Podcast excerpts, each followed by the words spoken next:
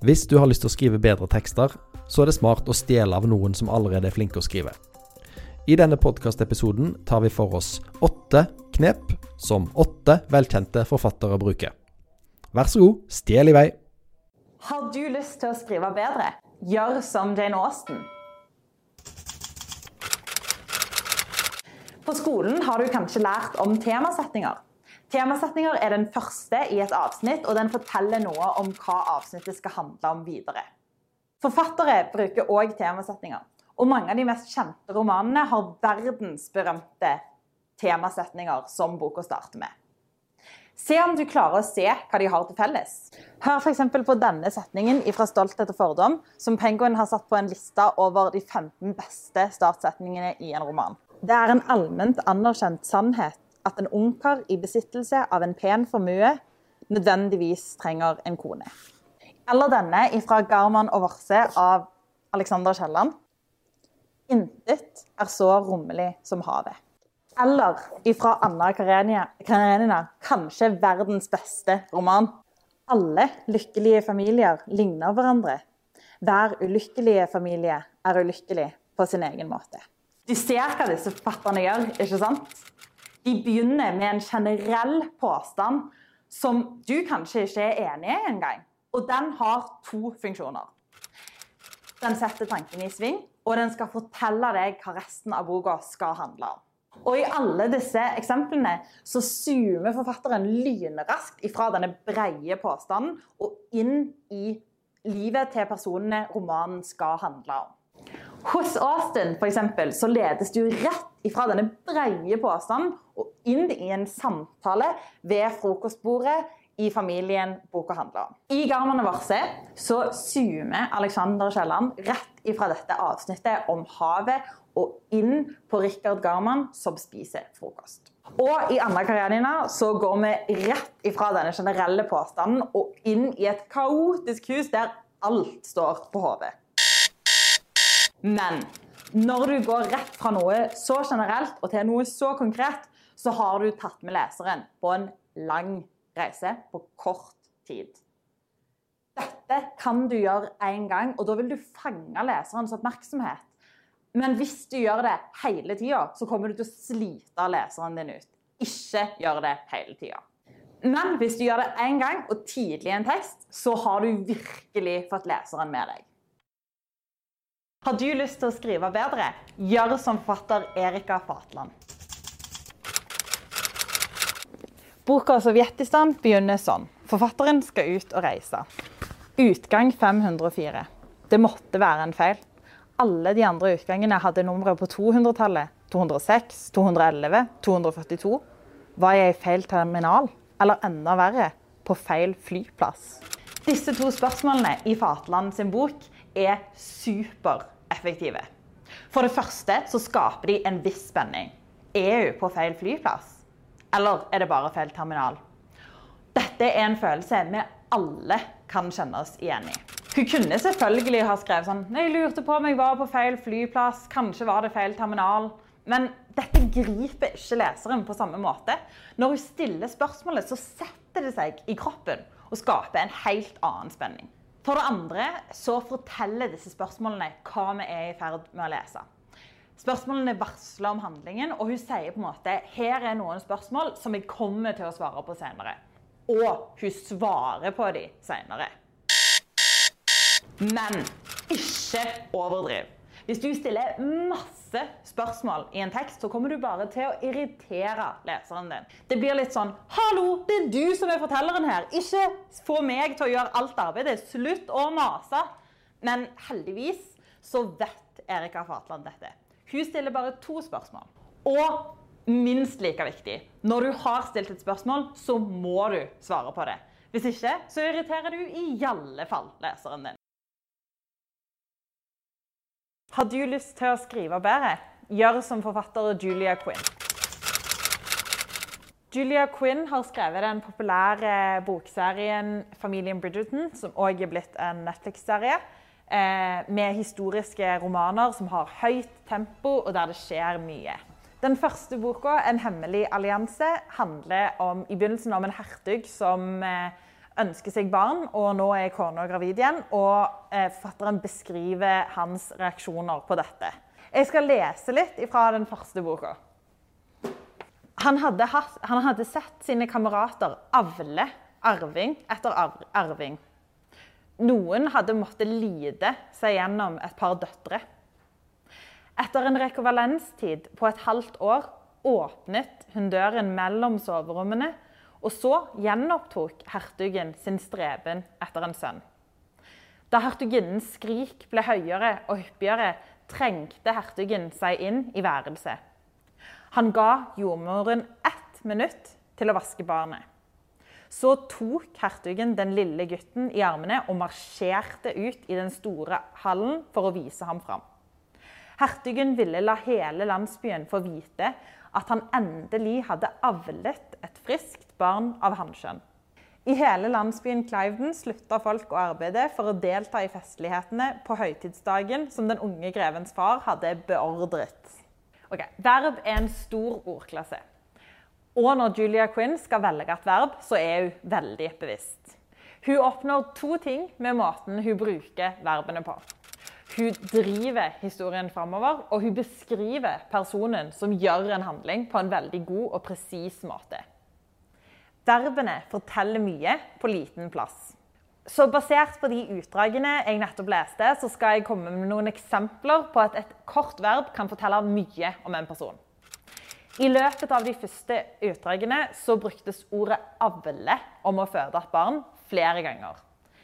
For en moderne leser så gjør dette at vi tenker litt sånn OK, avle fram et barn. Når vi hører ordet 'avle', så tenker vi jo på dyreoppdrett. Ikke noe som mennesker gjør. Og dette er nettopp poenget. Her vises det at for hertugen så handler dette om å avle fram, om å lage en arving, og ikke om noe mer enn det. Du trenger egentlig bare å se på verbene Quinn bruker for å forstå hvordan hertugen er. Du får vite at hertugen beordrer festligheter. At han trenger seg inn i rommet når fødselen er i gang, og at han gir jordmora ett minutt på å vaske barnet. Som om han vet hva barnet trenger etter det har blitt født. Dessuten får vi vite at han marsjerer ut med sønnen, og at mange av hertugens kamerater har måttet lide seg gjennom å få døtre. Og det å prøve å bli gravid blir beskrevet som at hertugen gjenopptok sin streben. Ikke særlig romantisk, altså. Hertuginnen er lite til stede i boka, men når hun omtales, så ser vi at det brukes mye mykere ord. Når hun dør etter fødselen, så står det at hun gled videre inn i evigheten. Når vi skriver, så er det veldig lett å bruke de mest tilgjengelige og lette å tenke på verbene. F.eks. For forskjellige versjoner av å være og å bli. Men som vi ser hos Julia Quinn, så kan faktisk valget av verb forandre veldig mye i en tekst. Det kan tydeligere kommunisere det du vil kommunisere hvis du skriver eh, en skoleoppgave, f.eks. Og det kan òg beskrive en karakter hvis du jobber med en historie. Så neste gang du skriver, gå over teksten din hvis du har litt tid etterpå, og let etter verbene. Tenk på hva slags verb du faktisk har brukt, og se om det kanskje finnes noen mer presise verb du kan bruke her. Når du finner det verbet som passer skikkelig godt til handlingen du vil beskrive, så får du nemlig mye mer punch i teksten. Sportsjournalister kan den kunsten å bruke rett verb til rett tid. Bare tenk på hvor mange forskjellige ord det fins for å score med fotball. Eh, og det er jo selvfølgelig noe jeg ikke har tenkt på før, for jeg ser ikke så mye på sport, så jeg må jukse litt her. Hun skjøt, pirka, dundra, bredsida, måkte, krangla, skrudde, helsparka, lobba ballen i mål. Jeg mener ikke at du skal sitte med synonymordboka klar mens du skriver, og slå opp hvert eneste verb. Det kan dessuten føre til at du får en veldig kunstig tekst, og at du ikke helt klarer å finne din stemme og din måte å skrive på. Noen ganger er rett og slett de enkle verbene de beste. Andre ganger fins det derimot noen litt mer presise verb som kan gjøre teksten din mye bedre. Har du lyst til å skrive bedre? Gjør som spenningens mester, Stephen King. Jeg mener veien til helvete er brolagt med adverb. Det er et kjent sitat fra Stephen King i boka om skriving, eller on writing. Og mange forfattere har sagt sånn cirka det samme.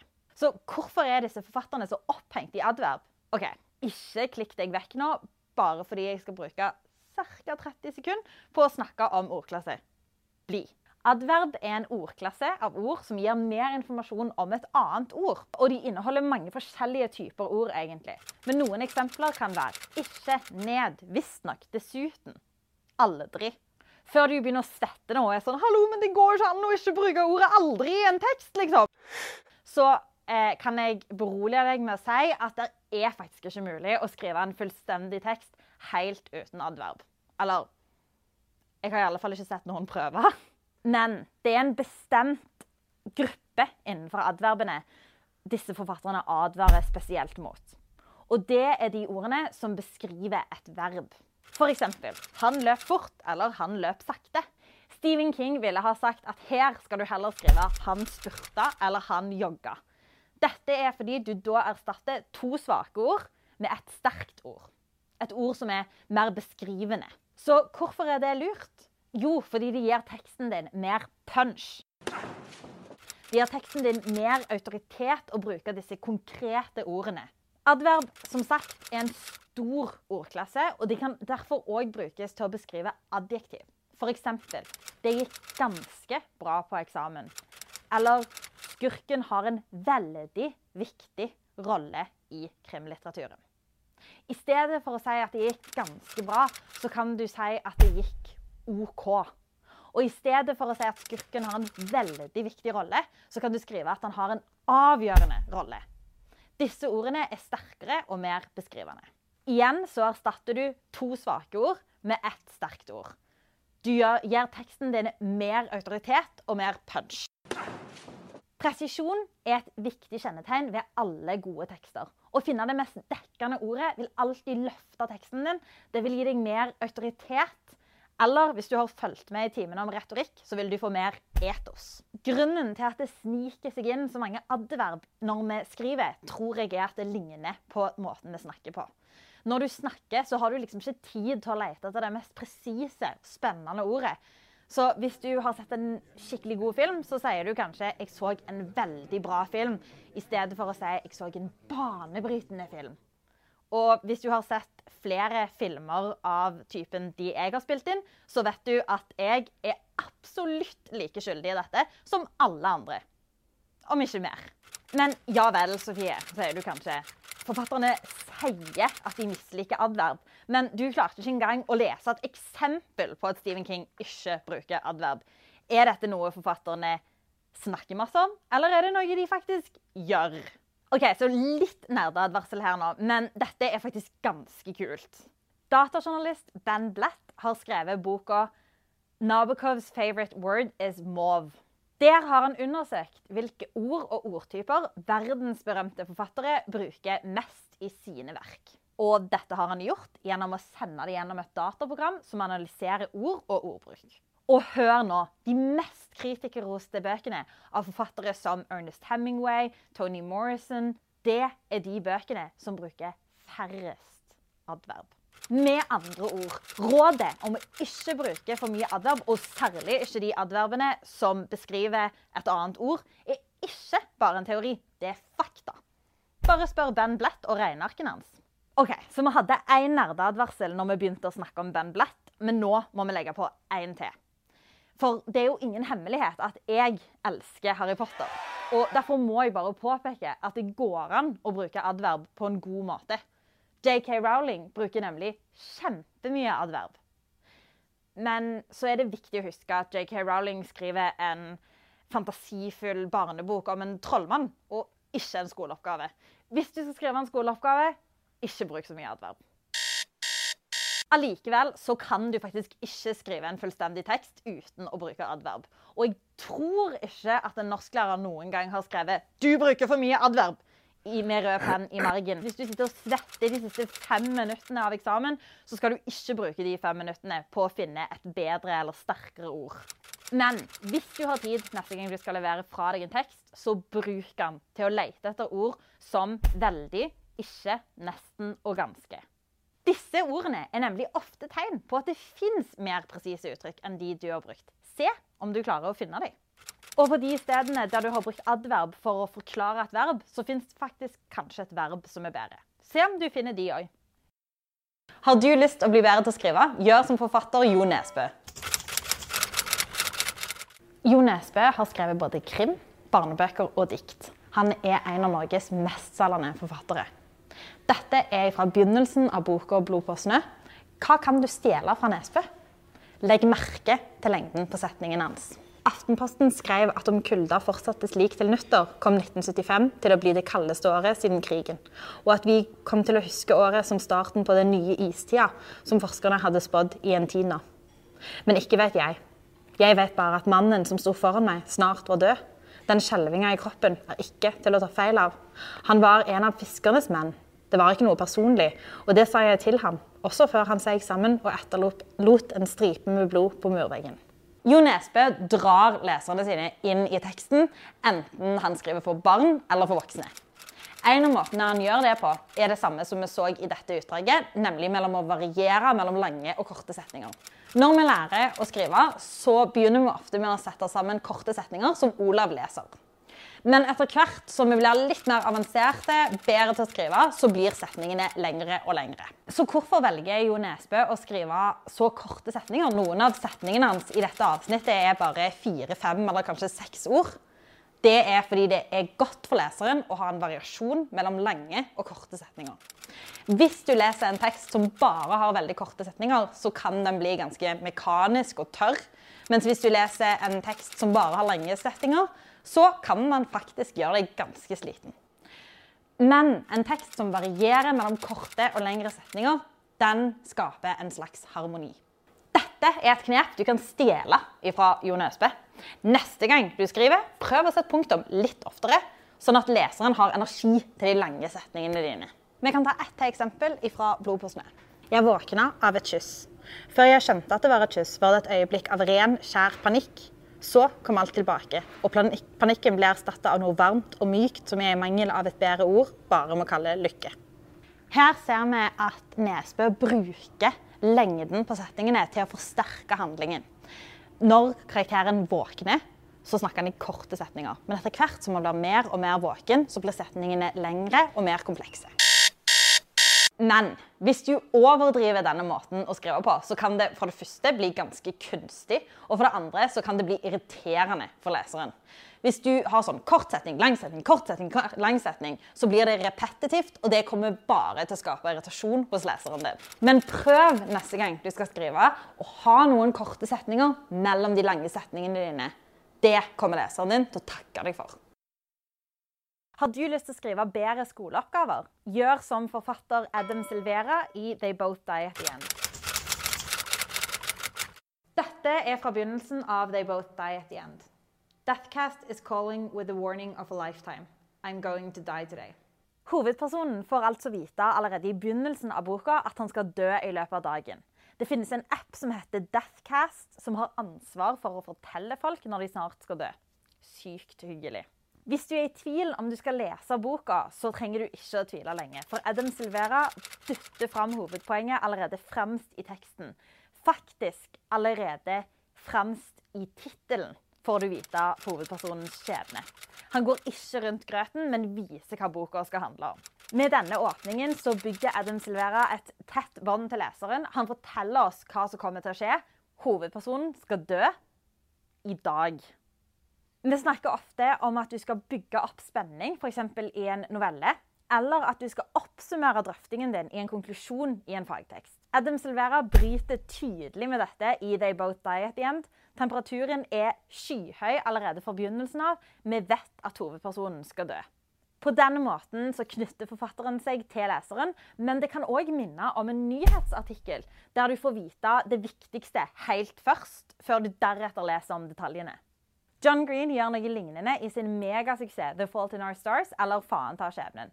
Her nevner han død eller døden tre ganger. Han nevner depresjon eller deprimert fire ganger, og han nevner kreft fire ganger.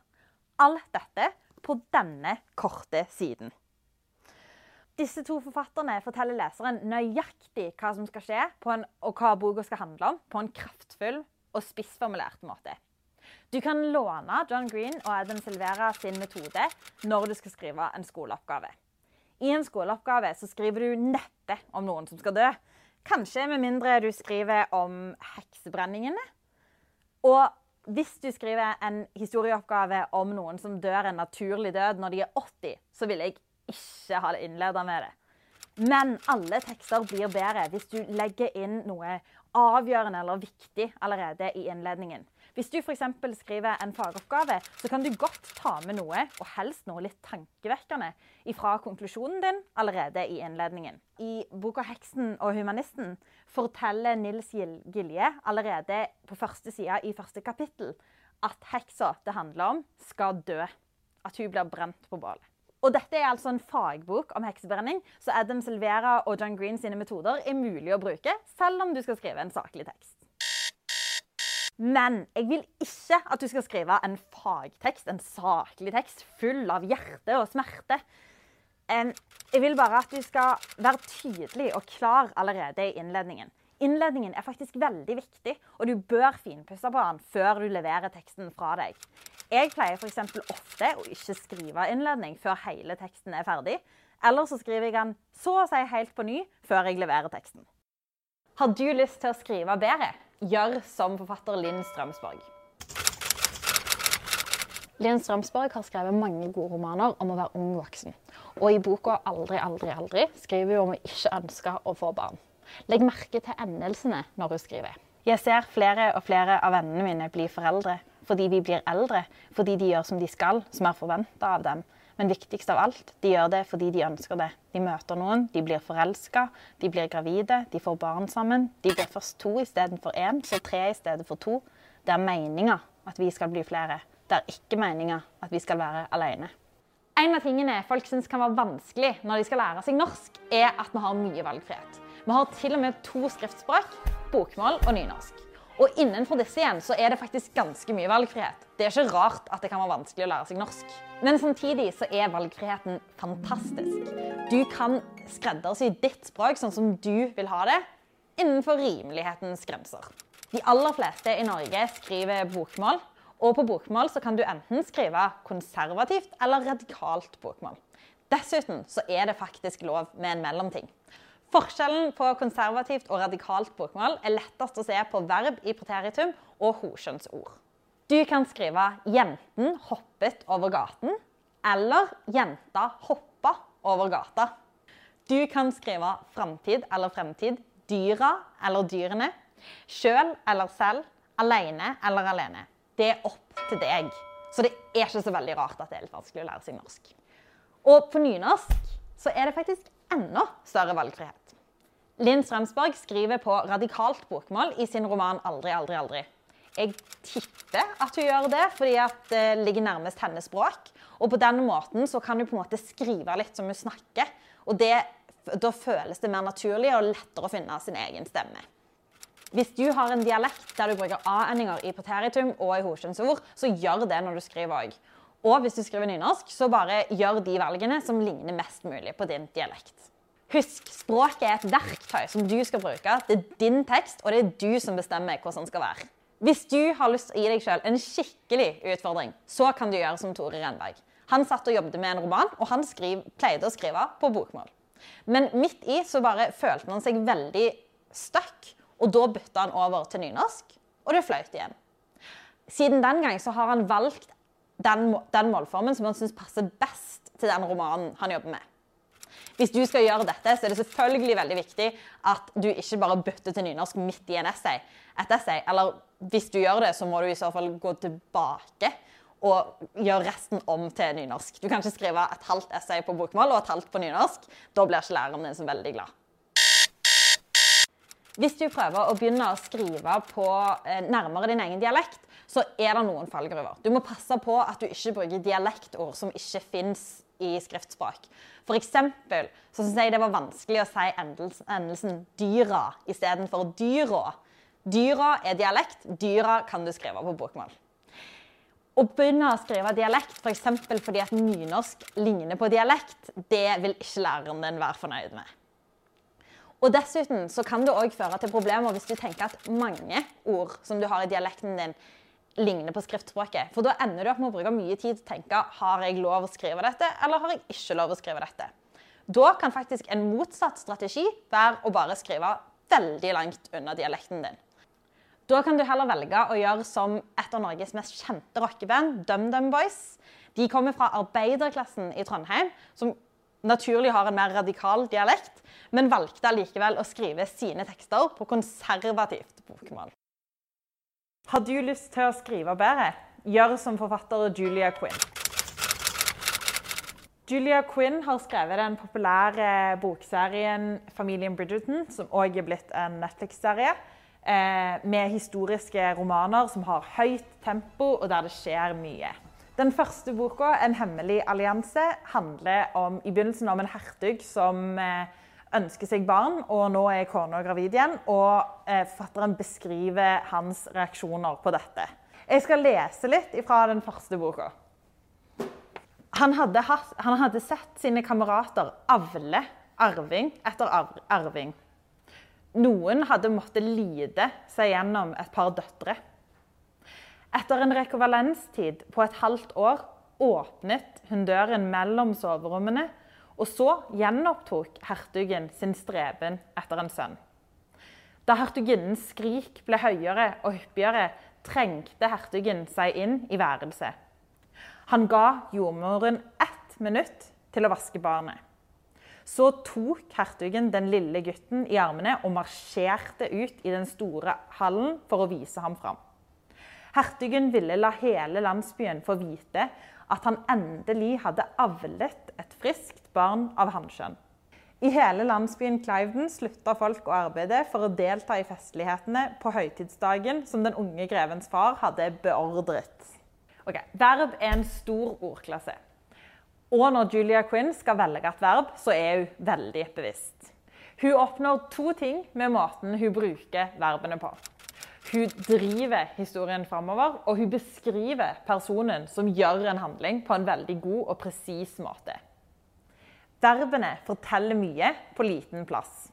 Så basert på de utdragene jeg nettopp leste, så skal jeg komme med noen eksempler på at et kort verb kan fortelle mye om en person.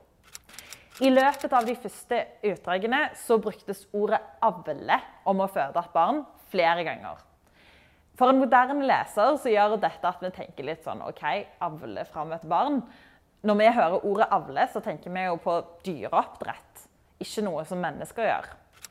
Og dette er nettopp poenget. Her vises det at for hertugen så handler dette om å avle fram, om å lage en arving, og ikke om noe mer enn det. Du trenger egentlig bare å se på verbene Quinn bruker for å forstå hvordan hertugen er. Du får vite at hertugen beordrer festligheter. At han trenger seg inn i rommet når fødselen er i gang, og at han gir jordmora ett minutt på å vaske barnet. Som om han vet hva barnet trenger etter det har blitt født. Dessuten får vi vite at han marsjerer ut med sønnen, og at mange av hertugens kamerater har måttet lide seg gjennom å få døtre. Og det å prøve å bli gravid blir beskrevet som at hertugen gjenopptok sin streven. Ikke særlig romantisk, altså. Hertuginnen er lite til stede i boka, men når hun omtales, så ser vi at det brukes mye mykere ord. Når hun dør etter fødselen, så står det at hun gled videre inn i evigheten. Når vi skriver, så er det veldig lett å bruke de mest tilgjengelige og lette å tenke på verbene. F.eks. For forskjellige versjoner av å være og å bli. Men som vi ser hos Julia Quinn, så kan faktisk valget av verb forandre veldig mye i en tekst. Det kan tydeligere kommunisere det du vil kommunisere hvis du skriver eh, en skoleoppgave, f.eks. Og det kan òg beskrive en karakter hvis du jobber med en historie. Så neste gang du skriver, gå over teksten din hvis du har litt tid etterpå, og leit etter verbene. Tenk på hva slags verb du faktisk har brukt, og se om det kanskje finnes noen mer presise verb du kan bruke her.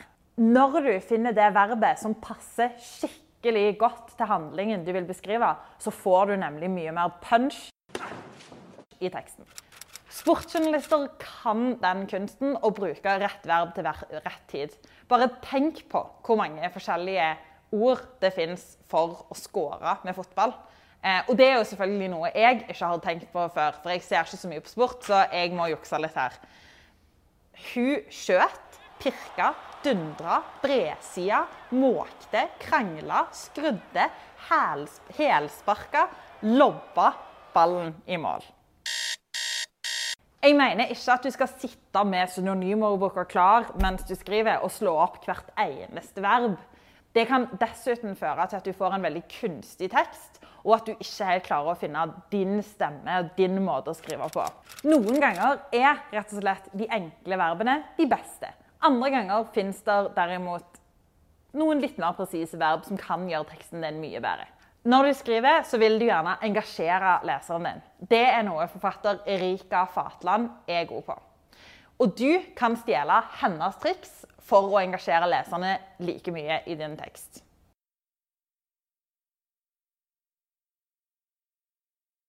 Har du lyst til å bli bedre til å skrive? Ja! Gjør som forfatter Nancy Hertz. Hun har bl.a. skrevet boka 'Skal du ikke gifte deg snart', som handler om å vokse opp mellom to kulturer. legg merke til hvordan hun understreker poenget sitt. Jeg bar på helvetesangsten da jeg ble invitert på fest og smakte alkohol for første gang. Jeg bar på den da jeg ble forelsket for første gang, andre gang og tredje gang. Og visste at det å ha en, kjæreste bare førte til syndige handlinger. Jeg bar på den da jeg hadde sex for første gang. Jeg bar på den da jeg tenkte at nå er du brukt opp. Ingen vil gifte med deg, seg med deg hvis dette forholdet tar slutt. Jeg bar på den da jeg begynte å tvile på Gud og ble mer og mer sikker på at religion ikke var noe for meg. Nesten alle forfattere og skribenter bruker gjentagelser. Journalister gjør det, poeter gjør det, og romanforfattere gjør det. Og hvorfor gjør de det? Jo, det er for å forsterke et poeng. For å virkelig feste noe i hjernen din. Nancy Hertz kunne fått fram det samme poenget uten å bruke ordet 'bar' så mye. Så hvorfor gjør det egentlig? Jo, det er for å virkelig forsterke og gjøre det skikkelig tydelig hvor tung denne helvetesangsten var. Det er for å vise at dette var nesten som en fysisk byrde i situasjoner der andre ungdommer bare ville vært glade og hatt det kjekt. Legg òg merke til andre gjentagelser her. I stedet for å si 'hver gang jeg forelsker meg', så skriver hun 'da jeg forelska meg første gang', andre gang og tredje gang denne, denne gjentagelsen forsterker òg budskapet om hvor tung denne helvetesangsten var. Og Samtidig så viser han at det er ikke noe som varte i en kort periode. Hvis hun hadde sagt 'hver gang jeg forelsker meg', så hadde vi kanskje tenkt at det skjedde ganske ofte. Men ved å si første gang, andre gang, tredje gang, så skjønner vi at dette er over en lengre periode. Det er ikke en følelse som bare går over. Gjentagelse er altså et effektivt virkemiddel for å nå inn til leseren. Og det skaper òg en fin flyt og rytme i teksten. Men ikke overdriv. Spar gjentagelsene til de gangene der du virkelig vil ta tak i kragen til leseren og si 'følg med nå'. For hvis ikke, så kan leseren oppfatte deg som litt masete. Og det som egentlig skulle være et bra litterært virkemiddel, det blir egentlig bare litt sånn slurvete skriving i stedet for. Gjentakelse er altså et godt virkemiddel både for å dra leseren inn i teksten og for å forsterke et poeng.